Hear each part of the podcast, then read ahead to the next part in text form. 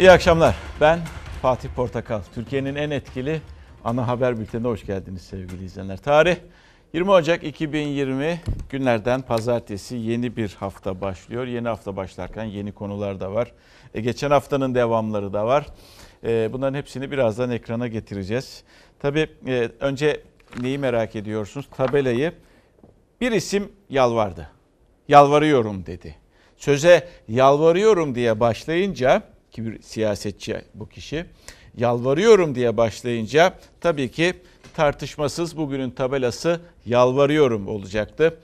Ee, siz de yazabilirsiniz. Yani aslında nasıl tartışılabilir? Yalvarmak güzel bir kelime midir? Nasıldır? Kime yalvarılır? Kime yalvarılmaz? Ee, yalvarmak zorunda kalmak Böyle de düşünülebilir. Ee, sizlerin düşüncesini bekleyeyim. Tabela ilginç bugün yalvarıyorum. Peki kim dedi diyeceksiniz. Şu kadarcık minnacık bekleyeceksiniz. Haberin içerisinde, bülten içerisinde sırası geldiğinde zaten göreceksiniz. Önce Libya diyelim.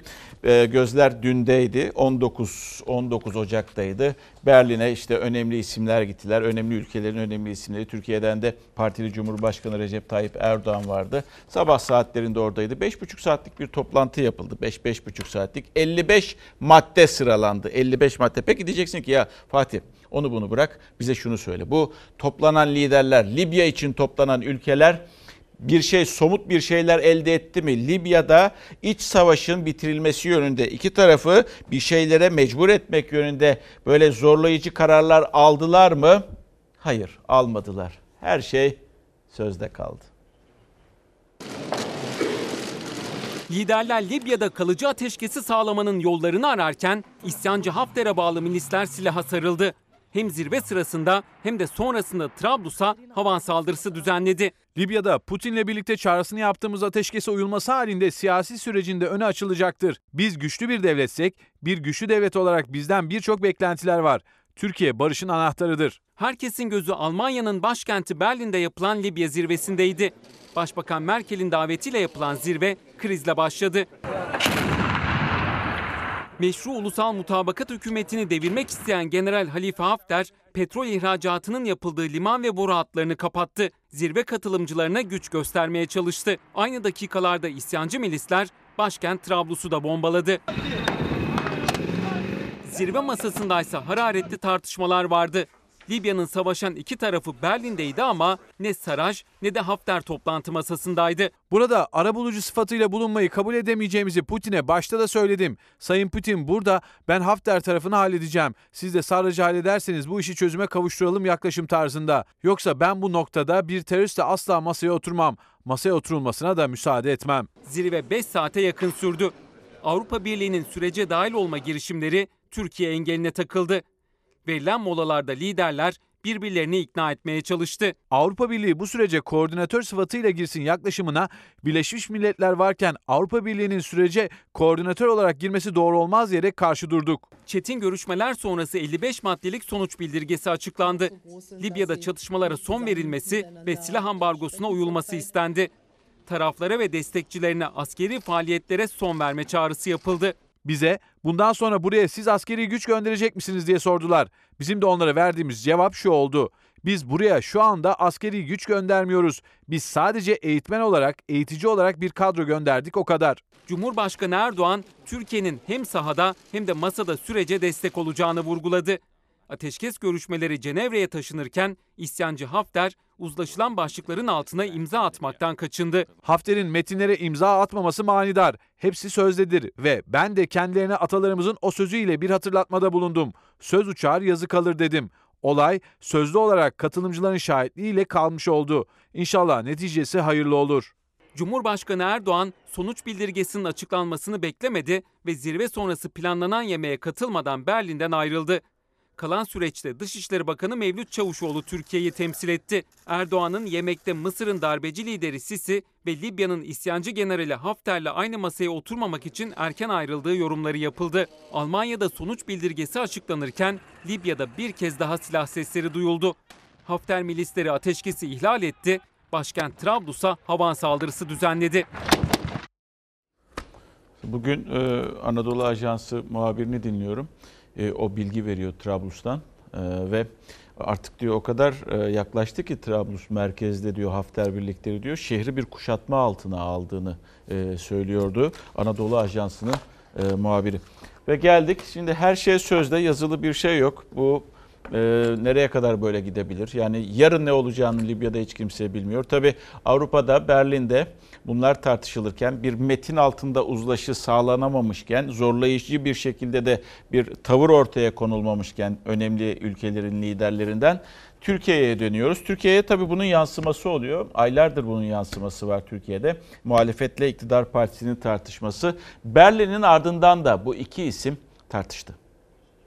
Fizan Libya'daki çöldür. Bizim askerlerin orada ne işi var? Fizan'ın yerini de bilmez. Biz Fizan'a göndermiyoruz ki Trablus'a gönderiyoruz. Berlin zirvesini olumlu karşıladığımızı buradan ifade etmek istiyoruz. Libya çözüm için düzenlenen Berlin zirvesi iktidarla muhalefeti aynı safta buluşturdu ama Libya polemiği hız kesmedi. Erdoğan Libya politikasına gelen eleştirilere Berlin dönüşü uçakta cevap verdi. Şimdi Türkiye taraf oldu. Hakem rolünü kaybetti. Libya'da Türkiye'nin mevcudiyeti barış umutlarını artırmıştır. Biz Libya'da terörle mücadele kisvesi altında ne tür oyunların oynandığını da görüyoruz. Buna karşı meşru hükümetin yanında durmaya devam edeceğiz. Muhalefetin ısrarla karşı çıktığı asker gönderme tezkeresiyle başlayan Türkiye'nin Libya'daki varlığına karşı Erdoğan geri adım yok dedi. Doğu Akdeniz ve sondaj tartışmaları üzerinden Kılıçdaroğlu'nun sözlerini hatırlattı. Hedefine Kılıçdaroğlu'nu aldı. Amerika orada. Yunanistan orada, Kıbrıs Rum yönetimi orada. Hepsi orada. Bir tek devlet yok. Türkiye. Niye yok? Bizim orada hala olup olmadığımızın farkında değil. Gemilerimiz orada, sondaj, sismik araştırma hepsi orada ama görmüyor. Sıkıntı burada. Libya ile yapılan deniz yetki alanları anlaşmasına da değindi Erdoğan. Sürpriz bir de çıkış yaptı. Sadece Libya ile değil, 3. 4. belki 5. ülkeyi buraya ortak olarak alabiliriz dedi. Somali'den gelen talebi de dillendirdi. Bize mesela Somali'den teklif var. Bizim denizlerimizde petrol var. Libya'da bu çalışmayı yapıyorsunuz ama bizim buralarda da bu çalışmayı yapabilirsiniz diyorlar. Bunlar bizim için de çok önemli. Berlin zirvesi sonrası başta Cumhurbaşkanı, iktidar cephesinden gelen açıklamalar olumlu. Muhalefet şimdilik temkinli. Akıllarda soru işaretleri var. Ne yazık ki fiyasko ile sonuçlanmış. Bu ateşkes uygulanabilecek mi? Birleşmiş Milletler orada etkili olabilecek mi? Zaman gösterecek. Mühim olan konu bunun altına imza atan ülkelerin bu sözlerinin arkasında durması. Muhalefetin bir başka dikkat çektiği durumsa Berlin zirvesinde verilen aile fotoğrafı. Berlin zirvesi sonrası Sisi ile aynı fotoğraf karesinde yer almasını not ettik. Dış politika böyledir işte. Büyük lokma yiyeceksiniz ama büyük laf etmeyeceksiniz. Hafter'in Berlin Konferansı peşinden Cenevre sürecinde meşrulaştırılma süreci tıpkı Suriye'de YPG'nin PYD'nin meşrulaştırılma süreci gibidir. Ve İdlib, Kılıçdaroğlu İdlib'den gelen yeni göç dalgası üzerinden Suriye politikasını eleştirmişti. Erdoğan sert çıktı. İdlib'den gelecek olanların tamamı eli kanlı olan insanlardır. Terör örgütün üyeleridir bunlar dedi. Bu Bay Kemal'in ilk yanlışı değil. Bir defa Suriye'den gelenleri tekrar Suriye'ye göndereceğim diyen bu değil mi? Bu insanlar keyfinden, zevkinden mi geldiler bizim topraklarımıza? Erdoğan İdlib için yeni bir projeden de bahsetti. Göçe karşı biriketten barakalar yapılacağından. Ve tabela bugün yalvarıyorum bir siyasetçi söyledi. Bir başka siyasetçiye seslenirken böyle dedi. E, ama mesela Ahmet Bey de demiş ki yalvarıyorum çiftçinin demiş borçlarını Ziraat Bankası'na olan borçlarını e, lütfen e, halletmeye çalışın. Traktörlerimiz icralık oldu sesimizi duyurun yetkililere demiş. Niğde'den Ahmet Bey kendisi çiftçi. Ve yine gündemde çok tartışılan bir konu. Bu konuda e, eski kor general FETÖ sanığı Metin İyidil'in önce ağırlaştırılmış e, müebbet cezası alması yerel mahkeme tarafından sonra da dosyanın istinafa gönderilip istinaftan da bu kez beraat kararı çıkıp evet beraat kararı çıkıp tahliye edilmesi. Sonrasında yapılan itiraz ve tekrar tutuklanması. Cumhurbaşkanı bu konuda hiç konuşmamıştı. Berlin dönüşü uçakta gazetecilere konuştu. Ve bu soru da soruldu. Yani siz e, veya öncesinde de konuştu aslında bakacak olursanız ne düşünüyorsunuz diye. Ee, ve Metin İyidil ile ilgili kurduğu cümlede şöyleydi. Yargının kararı bizi üzmüştür ve e, cümle devam ederken de bir talimattan yani, e, bahsetti ve e, talimat da verdik e, talimatı verdik. Sözleri de ister istemez tabii ki bir anda siyasetin gündemini geri verdi. Tabii muhalefet partileri bu talimat sözcüğü üzerinden iktidara yüklendi. Çok çok üzücü bir adım olmuştur. Tabii bunların hepsinin talimatlarını da verdik. Neyin talimatını? Hakimler ve Savcılar Kurulu saraydan gelen talimatla iş tutuyorsa Türkiye'de kimsenin hukuk güvenliği ve hukuk güvencesi kalmamış demektir. Bu siyasetçilerin talimatıyla mı olur? Adalet siyasetçilerin talimatıyla mı yerine gelecek? Cumhurbaşkanı Erdoğan eski Kor General Metin İyidil'e İstinaf Mahkemesi'nin verdiği beraat kararını eleştirirken bunların talimatlarını verdik dedi. O sözleri yargı bağımsızlığı tartışması başlattı. Müebbet hapse mahkum olmuş bir kişi tahliyesini verme gibi bir yola bir mahkeme nasıl gidebiliyor? Böyle bir adım nasıl atabiliyor? Şimdi yargının bağımsız olduğunu iddia edebilir misin? Recep Tayyip Erdoğan'ın açıklamasını gördükten sonra kimse gelip Türkiye'ye yatırım yapmaz. Niye?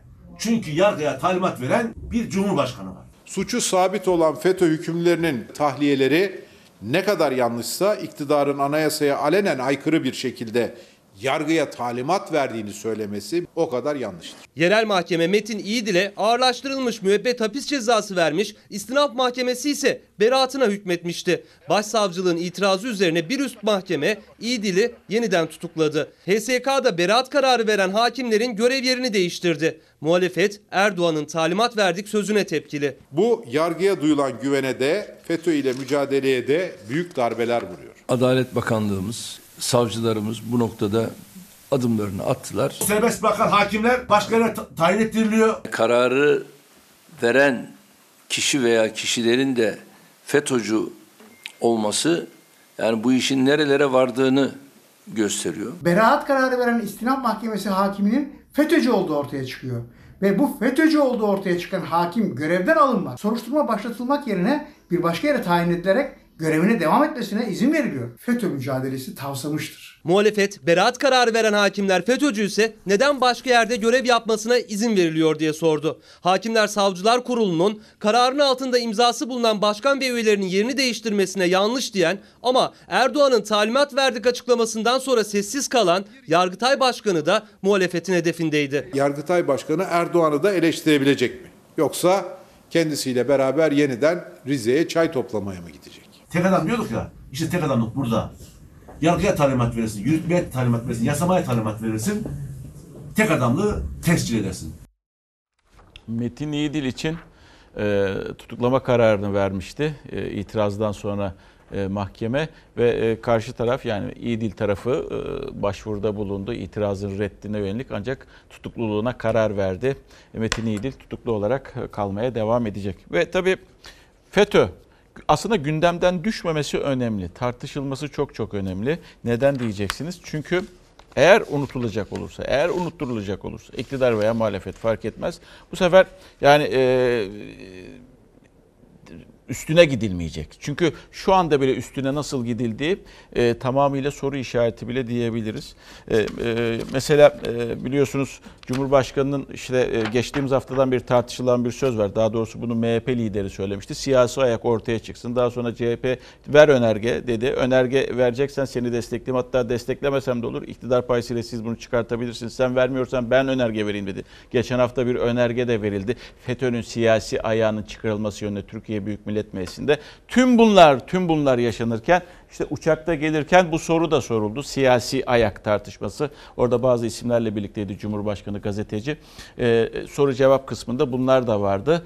Parlamentonun içinde veya herhangi siyasi partide, AK Parti'de ya da MHP'de bu tür adamlar var mı diye seslendi. Böyle seslendi. Ondan sonra da ana muhalefete döndü. Hadi ispatla dedi. Samimi ise bu konuda Sayın Bahçeli, FETÖ'nün siyasi ayağını ortaya çıkarmak için kendileri bir meclis araştırma önergesi versinler, biz de destek verelim. Sen iddia sahibi olduğuna göre bir defa bu iddianı ispatlamakla mükellefsin. İspatla bunu. Parlamentonun içinde veya herhangi bir siyasi partide, AK Parti'de, MHP'de bu tür adamlar mı var? Hadi ispatla. Türkiye Büyük Millet Meclisi'ne verdiğimiz araştırma önergesi anlaşılan belli mahfillerin oyununu bozmuştur. CHP'nin FETÖ'nün siyasi ayağının ortaya çıkarılması için meclise verdiği araştırma önergesine Cumhurbaşkanı sert çıktı. Kılıçdaroğlu'nu hedef aldı. İddia sahibi sensin. FETÖ'cü siyasetçi varsa ispatla dedi. Eğer ispatlayamıyorsan demek ki bunlar sende. Ya CHP içinde var, ya İP'te var, ya HDP'de var. Çıkar o zaman sen bunları ispat et. Fethullah terör örgütünün nüfuz ettiği, ele geçirdiği bir siyasi teşekkül arıyorsak önce herkes AK Parti'ye bakacak. FETÖ'nün siyasi ayağı temizlenmelidir. MHP lideri Devlet Bahçeli'nin siyasi ayakla mücadelede zafiyet var çıkışıyla FETÖ'nün siyasi ayağı tartışması bir kez daha raftan indi. Bahçeli'nin sözleri sonrasında samimiyseniz destekleyin diyerek CHP meclise araştırma önergesi verdi.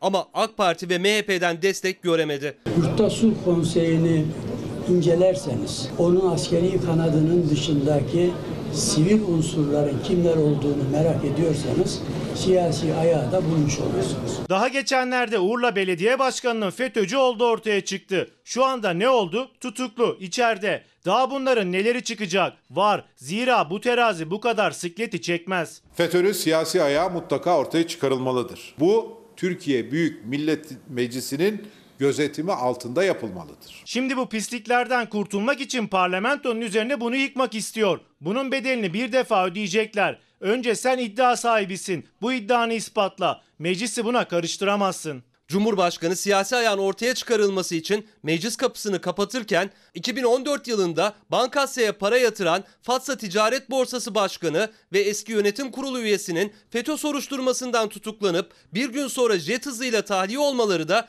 başka bir tartışmayı başlattı. Manşet yapmış. Acaba bunları Cemal Engürt mu kurtardı? Ben kurtarmadım. Adalet gereğini yaptı. Ama benim öyle bir imkanım olsaydı kurtarmazsam namerdim.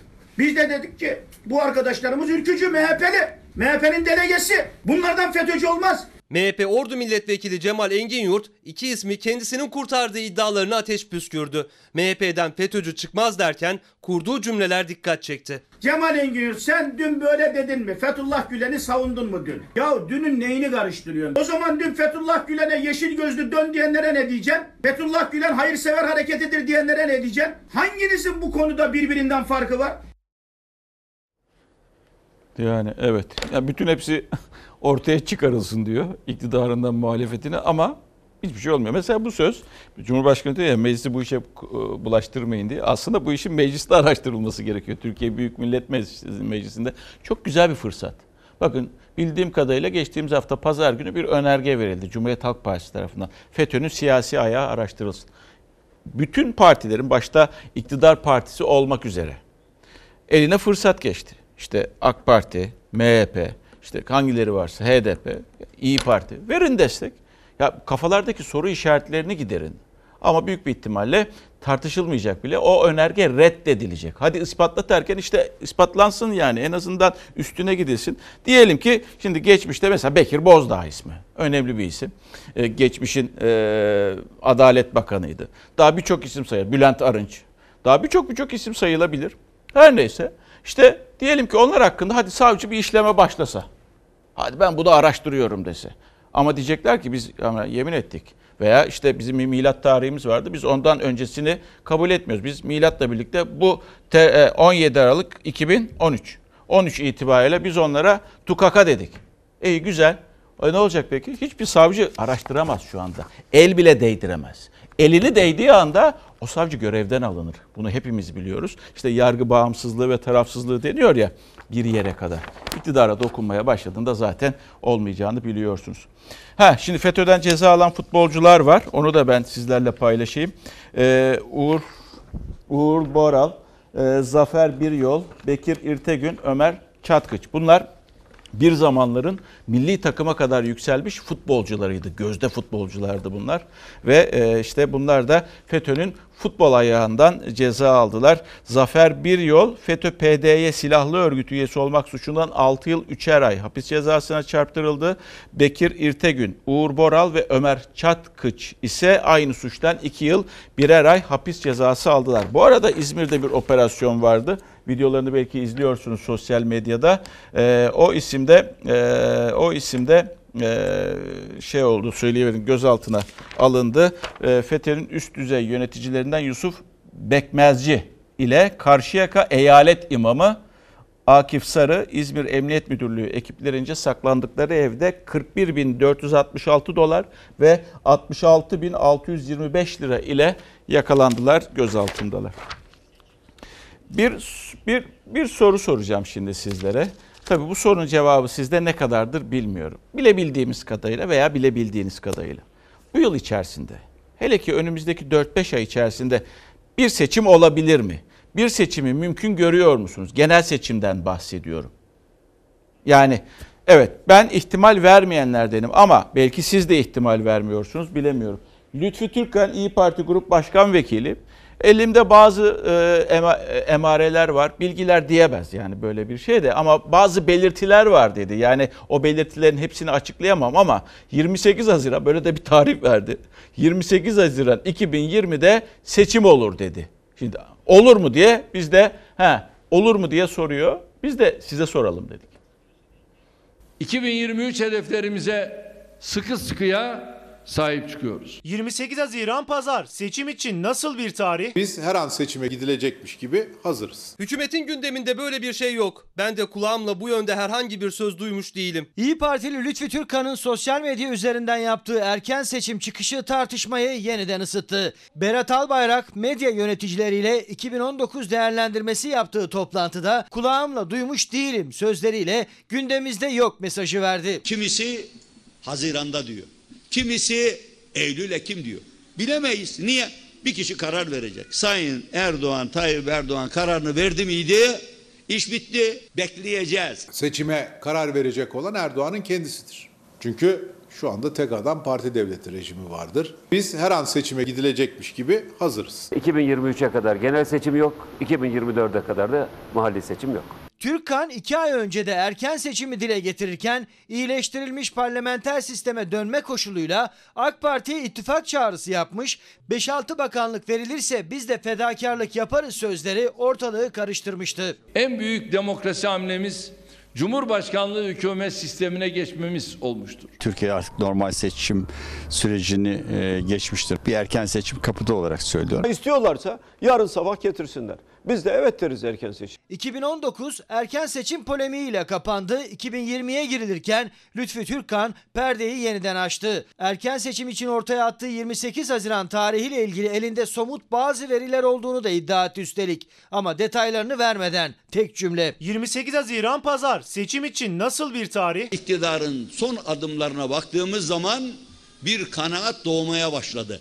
Acaba bu sene seçim olabilir mi? Türkiye son 5 yılda 8 seçim geçirdi. Bir de darbe girişimi yaşadı. Ülkemiz seçim yorgunu. İnsanlar da bıkmış durumda. Hükümetin gündeminde böyle bir şey yok. Berat Albayrak kesin bir dille gündemimizde erken seçim yok açıklaması yaptı. Ama Lütfi Türkan'ın 28 Haziran'a gönderme yapan erken seçim çıkışı bir kez daha siyaset kulislerini dalgalandırmaya yetti.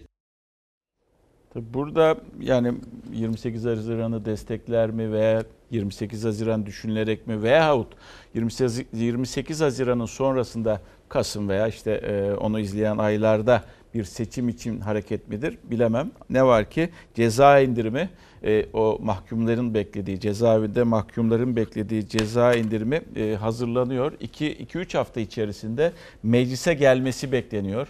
Türkiye Büyük Millet Meclisi'ne gelmesi bekleniyor. Bu birçok kesim tarafından bekleniyordu. MHP'nin e, seçim vaatleri arasındaydı ve e, daha sonra da yerine getirilmedi. Ne var ki uzunca bir süre e, iktidarla MHP arasında bunun pazarlığı da yapılmıştı. Şimdi bu yargı paketlerinden sonra üzerinde ayrı olarak çalışılan bir şeymiş. Ceza indirimi de e, herhalde 2-3 hafta sonra geleceği söyleniyor. Belki bu da olabilir. Evet Lütfü Bey belki bunu duydu. Bu da emarelerden biri olabilir. Bir seçim hazırlığı mı diye. Bir EYT ile ilgili bir şey çıkarsa o zaman deriz ki ha, 28 Haziran belki olabilir ama sandık geliyor. Ne var ki onun da olmayacağını Cumhurbaşkanı net bir dille ifade etmişti. Ama siyasette biliyorsunuz her şey değişebiliyor günden güne veya saatler içerisinde. Bir vatandaş demiş ki FETÖ'nün siyasi ayağı ortaya çıkarsın yalvarıyorum lütfen demiş. Bunu Adem Bey, Hasan Bey söylemiş. Bir başkası da YKS'ye hazırlanacağız derken YKS hangisi oluyor? Yüksek yüksek ha, üniversite sınavından bahsediyor. Evet. YKS'ye hazırlanacağız derken bütün hayattan bağımız koptu. Yalvarıyorum şu sınav sistemi yapılandırılsın. Ayhan Bey'in de iletisi bu yönde. Geldik e, Kanal İstanbul projesine. Tabii Kanal İstanbul projesini birçok yönden tartışıyoruz. İşte çevre yönünden tartışılıyor. E, Mo- Montre yönünden tartışılıyor. E, siyasi iktidar ve muhalefet arasında bir rant olayı, rant üstünden bir tartışma yaşanıyor. Geçen haftayı o şekilde geçirdik. Valla şimdi kimsenin günahını almayalım ama bu kafa karıştıran bir haber. Bugün Cumhuriyet Gazetesi'nin e, manşetiydi sevgili izleyenler. E, Cumhurbaşkanı'nın damadı aynı zamanda Hazine ve Maliye Bakanı Berat, Berat Albayrak'ın almış olduğu ama 2012 yılında alınan bir arazi. Babasının işte tam güzergahta yani tesadüf müdür? Hayatta tesadüf diye bir şey yoktur. Ee, ve e, tam böyle o kanalın geçtiği yerlerde tam da görüyorsunuz e, Boyalık köyü olarak adlandırılıyor. Babasının orada bir arazisi var. O arazi yabancıya gitmesin diye, yabancı derken yani e, farklı insanlar almasın, aileden biri alsın diye e, bir arazi, 13 dönümlük bir arazi aldığı iddia ediliyordu gazete tarafından. Ha, o zaman tarlaydı. Ama şu anda da tarla. Ne var ki tarla vasfında öyle söyleyeyim. Ama bu önümüzdeki günlerde bir biliyorsunuz plan değişikliği de olacak oralarda. Konuta çevrilme olasılığı çok çok yüksek. Erdoğan bu projeye önce sükse projesi demişti. Ama bugün baktığımız zaman görüyoruz ki aslında bu proje saray sosyetesinin ve ona yakın olanların da zenginliklerine zenginlik katma projesiymiş. Muhalefetin hedefinde bir kez daha Hazine Bakanı Berat Albayrak var. Bu kez Kanal İstanbul güzergahında 13 dönümlük arsa aldığı haberiyle CHP sözcüsü gibi İstanbul Büyükşehir Belediye Başkanı da Albayrak'ı eleştirdi. Hem de tam yerinden Kanal İstanbul güzergahından. İnşallah bu yapılmayacak. Gelecekler orada tarım yapacaklar, tarımla uğraşacaklar. Açıkçası kimin arsası var? Bakanmış, yurt dışındanmış, şirketmiş benim umurumda değil. Benim umurumda İstanbul'un bu doğasını korumak var. İşte Kanal İstanbul güzergahında yer alan noktalardan biri Arnavutköy'e bağlı Boyalık Mahallesi Hazine ve Maliye Bakanı Berat Albayrak'ın yaklaşık 13 dönümlük arazi satın aldığı iddia edilen yer. O iddiayla birlikte gözler arkamızdaki bu araziye çevrildi. Cumhuriyet Gazetesi manşetten verdiği haberde Hazine Bakanı Berat Albayrak'ın Kanal İstanbul güzergahından arazi satın aldığını öne sürdü. Arazi İstanbul Havalimanı'na 5 dakikalık mesafede. Hemen yanında babası Sadık Albayrak'ın da bir arazisi var. Berat Albayrak'ın avukatı Ahmet Özel de yaptığı yazılı açıklamada Sadık Albayrak'ın arazisine vurgu yaptı. Söz konusu arsanın bitişiğindeki bir diğer arsada 2012 yılında sahibi tarafından satışa çıkartıldığında yabancı almasın düşüncesiyle imkanı olan her vatandaşın yapabileceği sıradan bir satın almayla Sayın Berat Albayrak tarafından satın alınmıştır. Yani avukatı bakanın Kanal İstanbul projesi ortaya çıktıktan 2011'den sonra arazi satın aldığını doğruladı. Ama haberin art niyetli olduğunu, satın almada rant kaygısının olmadığını vurguladı. Bitişik arsa Sayın Bakan'ın babasının olduğu için arsa fiilen tevhidle 2003 yılında alınan ve ranta dönük hiçbir hesap olmadan kullanılan arsa ile birleşmiş arazi üzerindeki prefabrik yapı ve köy evi muhafaza edilmiştir. Bir avuç insanın rant elde etmesini sağlamamanız lazım. Ee, bütün bunlara uyulmamış. Arazi halen tarla vasfında ama iddiaya göre Çevre ve Şehircilik Bakanlığı'nın çevre düzeni planında yaptığı değişikliğin ardından hem Bakan Albayrak'ın hem de babasının arazileri konut alanı sınırları içine giriyor. Albayrak'ın avukatının etik dışı ve iftira olarak değerlendirdiği haberle ilgili ise CHP'den sert açıklamalar geldi. Tarla olarak alınan bu yerin şu anda konut alanına dönüştürülmesi sonucunda değeri nereden nereye çıkmış? Kanal İstanbul projesinin ne olduğunu her geçen gün biraz daha iyi anlıyoruz. Bunun proje falan değil bu. Ne yüdüğü belirsiz bir ucube yatırım. Bu proje bu milletin yararına olan bir proje değil. İBB Başkanı Ekrem İmamoğlu ise Kanal İstanbul güzergahında yer alan Terkos'a gitti. Tartışmaların odağındaki arazisine komşu bir noktadan bakanı eleştirdi. Benim ilgilendiğim konu 2011'den bu yana ama yurt içi ama yurt dışından insanların gelip bu niyetle buradan arazi satın almış olmaları. Yani dolayısıyla sürecin daha yapılaşma işi başlamadan ranta dönüşmesi, bireysel ranta dönüşmesi. Cumhurbaşkanı o sözü geliyor aklıma. Yani bunu çok insan bilmiyor. 3-5 kişi biliyor. Ee, Kanal İstanbul'un o projesiyle ilgili 2011'li yıllarda. Yani keşke bizim de haberimiz olsaydı. Bizim de haberimiz olsaydı gider en azından orada ucuzken yerler alırdık. Ama nereden bizim haberimiz olacak ki? Yani biz bilemeyiz ki biz normal vatandaşız. Biz bir başbakanın veya cumhurbaşkanının yakını veya bir bakanın yakını değiliz. En güzel cevabı bugün Yine aynı gazeteden Çiğdem Toker veriyor yazısında. Bakın şöyle diyor. Bir kıyaslama yapmış. Yıllar öncesiyle yıllar sonrası. Kanal İstanbul raporunda yeni gelişmelerden en çok etkilenen ilçenin Arnavutköy ve Başakşehir olduğu belirtiliyor. Bölgenin rezerv alanı ilanından önce gayrimenkullerin parasal değeri ve ekonomik hacimlerindeki artışlara geniş yer veriliyor. Şu rakam çarpıcı. Şu rakam çarpıcı. Havalimanı ve Kanal İstanbul duyulmadan önce metrekare başına 10 lira 15 lira olan arazi bedeli 3'er aylık dilimler halinde arta arta arta arta 260 300 TL'ye ulaşmış durumda metrekare fiyatı. Tabi herhalde e, beyefendi aldığında, Sayın Albayrak aldığında herhalde 10 liradan veya 11 liradan 12 liradan belki de daha düşükler almıştı bilmiyoruz. Yani bir de diyorlar yabancıya gitmesin diye aldık. Ulan zaten yabancıya gidiyor bu. yani bir bakıyorsunuz Katarlısı almış, Suudi Arabistanlısı almış. Yani e, hele ki bir bakanın isminin Tabii o zamanlarda bakan olacağı belli değildi. Ama en azından siyasetin içerisinde kayınpederiniz var siyasetin içerisinde size yakın insanlar var.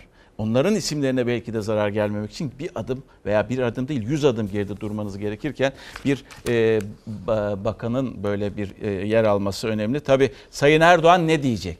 Sayın Erdoğan ne diyecek bu işe? Çünkü e, geçen hafta bir tartışma vardı. CHP'lilerin oradan arsalar, araziler aldığını e, söylüyordu iktidar partililer. Bu konuyla ilgili bir şey diyecek mi? Onu da zaman gösterecek. Geldik Hani yalvarıyorum dedim ya size. Yalvarıyorum. Bugün bir siyasetçi söyledi. Kim o siyasetçi? İstanbul Büyükşehir Belediye Başkanı Ekrem İmamoğlu. Ve iktidara seslenirken bu şekildeydi. Yalvarıyorum bu işten vazgeçin. Milletin musluğundan akan suyun adı olan Terkos'u yok etme çabası içinde olacaksınız. Yalvarıyorum bu işten vazgeçin. İstanbul'un önemli su kaynaklarından birinden Terkos'tan seslendi İmamoğlu. Kanal İstanbul'la birlikte Terkos'un da yok olma riskine karşın bu projeden vazgeçin çağrısını yineledi. İsteseler de istemeseler de Kanal İstanbul'u yapacağız. Yani, tamamen hayal ürünü olan, hiçbir işe yaramayacak olan bir kanal üzerinden İstanbul'un en görkemli su kaynağını yok etme e, çabası içerisindesiniz. Kanal İstanbul projesi Marmara Denizi'ni Küçükçekmece Gölü'nden ayıran noktadan başlayarak Terkos Gölü'nün doğusundan Karadeniz'e uzanıyor. Yani proje güzergahına çok yakın. İstanbul'un su ihtiyacının üçte birini karşılıyor Terkos ve en eski doğal su kaynaklarından biri. Kanal İstanbul projesinin hayata geçirilmesiyle birlikte Terkos Gölü de tehlike altına girecek. Çünkü göle tuzlu su karışma ihtimali var. Bilim insanları diyor ki kesinlikle 25 metre derinlikteki bir e, kanal geçişinin Terkos suyuna sızma olasılığı çok yüksek. Hatta sızmama olasılığı yok. O suyun kullanılma şansı kalmaz. İmamoğlu Terkos'un kıyısında İSKİ yetkililerinden de bilgi aldı. İhalesi yapılan bazı yatırımlar Kanal İstanbul projesi hayata geçirilirse iptal edilecek. Terkos iki telli attı gibi. Bu da 15 milyar dolar olarak hesaplanan kanal maliyetine eklenecek yeni maliyetler demek. Sadece İSKİ'ye bedeli bu işin 20 milyar lira. Bu kadar büyük bir bedeli millete ödetmenin bir anlamı yok. Kanal İstanbul güzergahının yanı başındaki köylerde yaşayanların da tek gündemi bu proje. Birçoğu evini, arazisini kaybetme endişesi yaşıyor. Buradan kanal geçerse bizi tutarlar mı burada? Zengin adam gelecek verecek sana parasını mesela yerinin parasını. Biz mecbur gideceğiz yani buradan. Çiftçilik yapıyoruz. Hayvanımız var. Sütümüzü sağıyoruz. Arazimizi ekiyoruz, geçiniyoruz. 5-10 kişi para kazanacak diye bu kadar bu kadar kötü bir şey olabilir mi ya? Aralarında projeyi destekleyen de var. Tarımla, çiftçilikle uğraştığı için geçim derdine düşerim diyerek karşı çıkan da. Benim evin önünden geçiyor. Evim değil, yerim yurdum da gitse desteklerim. Yarın bir on, o nimetlerden benim çoluğum çocuğum faydalanacak yani. Ben diyorum ki bak şimdi burası istimlak edildi mi? Burasını alacak 100 lira değermişti metresine 100 lira değermişti. Ha, o konuda Ama anlaşalım. taraftan, Devletin de en büyük yanlışı o. Bir şeyi istimlak ederken kendi değerinde vermiyor. Yalvarıyorum dedi Ekrem İmamoğlu. en sondaki nokta bu. yalvarma noktasında. Ee, bir de bakın bugün çok enteresan bir haber vardı. Ee, İstanbul Büyükşehir Belediyesi Mezarlıklar Daire Başkanı Doktor Ayhan Koç. İstanbul kalabalık bir yer. Yaşıyorsanız biliyorsanız, biliyorsunuzdur. Yaşamıyorsanız geldiğinizde görüyorsunuzdur. Hiç gelmediyseniz geldiğinizde şok olacaksınız demektir. Büyük 16 milyonluk bir şehirden gün içerisindeki sirkülasyonla 20 milyonu bulan bir insan kalabalığından bahsediyoruz. Havası pis, e, trafiği çok fazla, stresi çok fazla, yaşamak kolay değil. İnsanlar yüzüne baktığınızda somurtkan insanlardır. Bir de bu dünyanın sonrası var. İstanbul'da onun da yeri yok. Mezar yeri bile bulunmayacağını açıkladı. Ee, İBB Mezarlıklar Daire Başkanı Doktor Ayhan Koç 20 yıl sonra 20 yıl sonradan bahsediyor. 20 yıl ne ki? 20 yıl sonra gömülecek yer bulmak mümkün olmayacak diyor İstanbul'da. Ee, ve günde ortalama 220 vatandaş da hayatını kaybediyormuş. İstanbul'da kaydettiği e, istatistiki bilgi ve paylaştığı istatistiki bilgi bu şekildeydi. Levent Bey e, şöyle bir e, iletisi var siyasetçilere ispatla diyemezsiniz. İspatlayacak olan savcılık, karar verecek olan da hakimlerdir.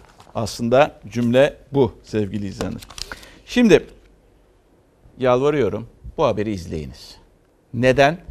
Bir yerin, bir doğa güzelliğinin, bir ilin, bir ilçenin nasıl yok edildiğini demeyeyim ama tükenmeye doğru gittiğini gösteren bir yer. Ha biz anlatsak, o görüntüler olmasa belki diyeceksiniz ki ya abartıyorsun. Hayır. Ee, Nazlı yere basmaz Rize'ye gitti. Rize'ye Cumhurbaşkanı memleketine gitti. Güney suya kadar da uzandı. Onları oralara kadar gitti. Çünkü HES'ler oralarda da yapılıyordu. Oralarda birçok yerde HES var. İşte HES'e HES'e gittiğinde, HES'leri konuşmaya gittiğinde Rize, Rize'nin ilçeleri, Güney suya ister istemez o Güney Suyluların e, isyanlarıyla, isyan dolu söylemleriyle karşılaştı. HES'i istemiyorlardı, istemiyorlar. Güneysu Gürgen Köyü deresi. Güneysu'ya bağlanan bir dere. Dere mi burası? Dere. Dere ama dere e, derelükten çıkardılar onu şu anda. Karayolları yol yapımı adı altında HES projesi yapılıyor. Yapmayın bu neyin nesi derken bu sıkıntıya kaldık. Rize'nin Güneysu ilçesindeyiz. Aynı zamanda Cumhurbaşkanı Erdoğan'ın da memleketi ve hemşerileri de yanımda. İnanması güç şu anda bir dere yatağında yürüyoruz. Hatta üstümüzde de o derenin üstünden geçen köprü var. Manzara sanırım en iyi bu şekilde anlatılırdı. Evet, insanların burada yüzdüğü, balık tuttuğu bir alan burası. Ama biz şu anda üzerine geçiyoruz. Bu su nerede diye soracaksınız. Bu su şu anda bunun altından geçen boruların içerisine suyu hapsettiler. 6 ay önce inşaat makinaları girdi Güneysu Gürgen köyüne. Önce yol yapımı dendi, sonra borular geldi. Şimdi borular niye geldi yani biz altyapı çalışması diye de düşündük. Sonra dediler biz HES yapıyoruz. Zaten iki HES var. Bir tanesi Güneysu merkezde, bir tanesi de karın olduğu suyun doğuşunda. Bu üçüncüsü, dördüncüsü de yapılacak. Biz buna karşıyız. Susuz şimdi şu vadide nasıl yaşayalım biz? Rize'nin dereleri üstündeki HES'lerin çevreye verdiği tahribatı daha önce de gördüler. O inşaatın da HES olduğunu öğrenince itiraz ettiler. Ama seslerini duyan olmadı. İnşaat sürdü, dere kurudu. Bu, bu hal nedir? Şimdi o zaman oldu mu görüyorlar bizi. O zaman olmadı mı görmüyorlar. Yani biz köylüyük aklımız kesmiyor. Öyle bir şey yok. Ben ödül almışım %94'de köy temsilcisi olarak oy verdiği bir şeydi. Tabii ki ulaşılmayı bekledik. Bir gün Cumhurbaşkanımız burada tatile geldiği zaman böyle dere boyu bir gizeyim dese o gün de diyecek bunu bana böyle demediler. Bunu bana böyle anlatmadılar. Onun da memleketi. Bu su onun evine gidiyor. Ya herhalde damarıma Türkiye'de ben çocukluğumu derede yaşadım yani. Biz derede yüzdük, derede balık tuttuk. Şu anda alabalık denen bir şey yok. Üç tane dedem pasine vatine vallahi çıplak yatıyor. Kefen yok üzerlerine. Buraları bize emanet ettiler. Yani yazık günah değil mi? Ben torunlarıma ne diyeceğim? Oğlumun çocuğu geldi geçen de. Aa su yok. Suyu görmüyor. Şaşırdı mı? Ay şaşırdı. Kaç yaşında? yaşında çocuk şaşırdı. Torunum var şimdi gözlerimi. Bütün amacımız dereydi. Dere kenarlarına büyüdük. Bu kızlarıma ben nasıl bir doğa bırakayım? Nasıl bir yaşam bırakayım? Ben bunun mücadelesini veriyorum. Handüzü yaylasının karları baharda eriyip bu dereye akacak. Ama eğer yatağını bulamazsa taşkınlara neden olacak. Güney Sulu'nun bir korkusu da işte bu. Bu dere çılgın bir şekilde gelir ama anlık. Eğer şu taşlardan birini sökerse şuradan şu mahalle komple gider. Sadece ev değil şu, şu evler şu cami bile te- tehlike altında girecek. Allah'ın evi te- tehlike altına girecek. Para kazanacaklar diye bir köyü yok etmenin anlamı nedir? Bunu görmüyorlar mı acaba? İmza toplayarak mahkemeye gitti Güneysu köylüleri. Yürütmenin durdurulması için ki zaten kendileri de sık sık durduruyorlar çalışmayı. Köylerde her gün aynı manzara yaşanıyor. Engel verme bize, engel verme bize. Çık buradan. Otumuz bundan nemleniyor. Hayvanlarımız burada ot, hayvancılık ediyoruz. Biz köylüyüz ya. Bu köyde duran bir insanın ihtiyacını de- devlet olarak bize karşı bunu bu sıkıntıya verirse bize bir de bir yer göstersin sıkı gidelim. Soner Daba bu haberi görüntüledi. Nazlı yere basmaz bu haberi yaptı sevgili izleyenler. Ve geldik doğalgaz faturaları diyorsunuz. Faturalar neden kabardı? Tabii hem tükettiğimiz var ama bir de üstünde vergiler var. Cevap vergilerde. Tüketim bedeli 755 lira. KDV'siyle beraber 891 lira. Bu KDV örneğin yani %1'e düşse zorunlu ihtiyaç olduğu için e, burada ödenecek e, KDV 7,5-10 liraya düşecek. İşte 3 oda 1 salon normal büyüklükteki bir eve gelen fatura 891 lira. Sadece %18 KDV'si 136 lira. Bu da 2 oda 1 salon eve gelen fatura 410 lira. Onun da KDV'si 62,5 lira. Vergi uzmanı Ozan Bingöl'e göre bu doğalgaz faturasında açıkça belirtilen vergi 3 kalem daha var faturada yazmayan ama tüketicinin cebinden çıkan. Sistem kullanım bedeli, özel tüketim vergisi, katma değer vergisi bizim bildiklerimiz. E bunun içinde bir de dağıtıcının kar marjı var mutlaka. 4 kalem. Türkiye'ye boru döşeniyor, indirimi Bulgaristan alıyor. Erdoğan ise Türk akımın ismini Putin koydu diye avunuyor. 2019 yılında Ağustos ve Eylül aylarında peş peşe geldi %14,97'lik ve %14,90'lık zamlar. Doğalgaz kış öncesi toplamda %32,1 zamlandı. Dar gelirli emekli çalışan zamlarla baş etmek için kışın bile kısıyor kaloriferi kombiyi. Neredeyse yakmıyor ama yine de doğalgaz faturası kabarıyor. Çünkü zamlar kadar vergi, BOTAŞ'ın sistem kullanım bedeliyle dağıtım şirketlerinin karı da ekleniyor faturaya. Asıl mesele şu. Doğalgazdan özel tüketim vergisi alıyoruz. Soğuk kış günlerinde ısınmak dahi lüks oldu. Tüketiciye gelen yüklü miktardaki faturalardan mı bilinmez ama yemek yapmak, sıcak su ve ısınmak için yani aslında en temel ihtiyaçlar için kullanılan doğalgazdan devlet lüks tüketim vergisi ÖTV alıyor. Metreküpte 0,023 kuruş. Doğalgaz gibi zorunlu bir ihtiyaçta herkese vergi indirimi gelirken vatandaşa da bir kez vergi indirimi gelsin. KDV indirimi olmuş olsaydı 755 lira üzerinden ödenen 136 lira KDV 7,5 liraya düşecekti. Bari 120 lira avantajı sağlayacaktı. Sizin bu gösterdiğiniz faturadan bir örnekle. Vergi uzmanı Ozan Bingöl tüketiciyi biraz olsun rahatlatsın diye doğalgaz faturasında vergi indirimi yapılsın önerisi getirdi. CHP ise son dönemde hemen her konuda yakın temasta olan Putin ve Erdoğan attı topu. İki liderden doğalgaza indirim istedi. Bir an önce milletin sırtında taşınması son derece güç olan bu faturaların hafifletilmesi için Putin'le 71. bir görüşmeyi daha yapıp doğalgaz fiyatlarında indirim istesinler. Kistik fibrozis rahatsızlığı tek bir ilacı var. İthal ediliyor. Ve aileler onu maalesef alamıyorlar. Pahalı. Devletten destek istiyorlar. Kendi başıma bir yere gidemiyorum. Desteksiz yapamıyorum. Hep yanımda birisi olması lazım. İlaçların ödenmesini istiyorum. Bir anne olarak, baba olarak, evlat olarak herkes anlamasını istiyorum.